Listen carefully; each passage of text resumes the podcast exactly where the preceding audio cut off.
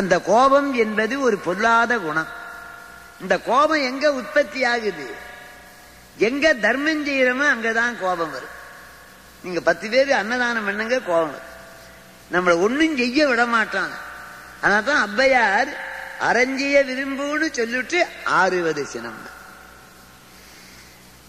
ஒருத்தர் சென்னையிலே ரயில் நிலையத்தில் உட்கார்ந்துங்கிறார் பம்பாய்க்கு போ ஏழைகள் வருவாங்களேன்னு பத்து பத்து நயா பைசாவா மாத்தி மணி பைசா வச்சுங்க. பத்து பத்து பைசா. ஒரு ஏழை வந்த ஐயா பத்து நயா பைசா. இன்னொருத்தன் வந்த ஐயா பத்து நயா ஐயா கண்ணில பத்து.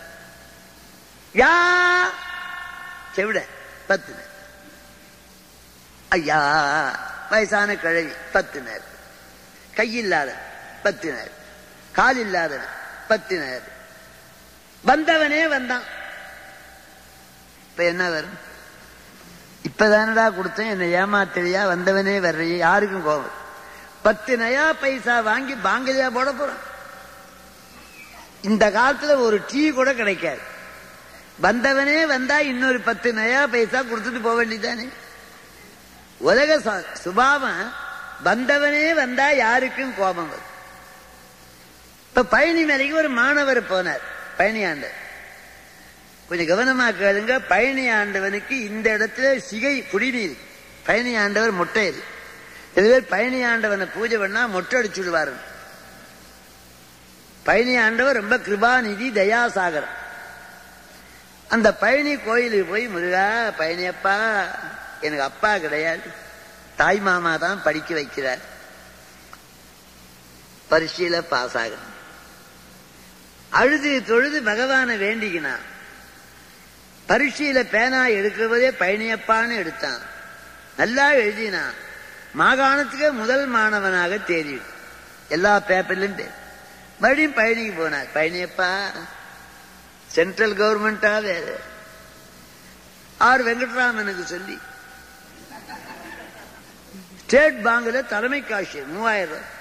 கை அவன் என்ன பண்ணான்? பழனியில வந்து ஆயிரம் ரூபாய் உண்டியில போட்டான் ரெண்டாயிரம் ரூபாய் உண்டி ஏழைகளுக்கு இதுக்கும் உண்டின்னு பேர். மூவாயிரம் ரூபாய் பழனியில கொண்டு ஏழைகளுக்கும் சுவாமி. பணக்காரெல்லாம் ஓடி ஓடி ஓடி கேட்கறான் ஓடி ஓவர் ரொம்ப செல்வாக்கு. மூவாயிரம்.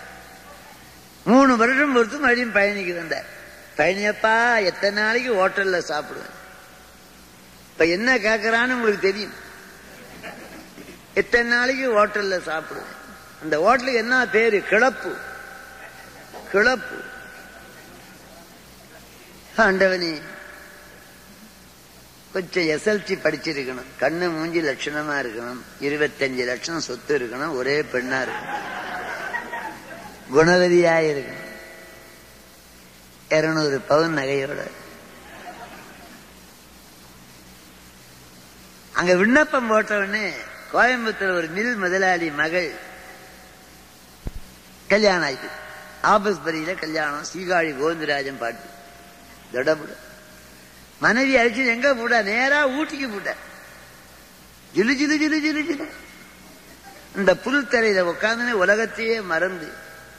அப்படி ரெண்டு பேரும் இந்த முதுகு மேல முதுகு சாஞ்சி உட்கார்ந்தா காத்து உள்ள நுழையாது. அவ்வளவு நெருக்கம். அப்புறம் ஒரு மூணு வருஷம் பொறுத்து பயணிக்கு போனார் கணவனும் மனைவிமா முருகா நாங்க ரெண்டு பேருமா வந்திருக்கிறோம். இப்ப என்ன கேக்குறாரு? உங்களுக்கே தெரிகிற போது முருகனுக்கு தெரியாத.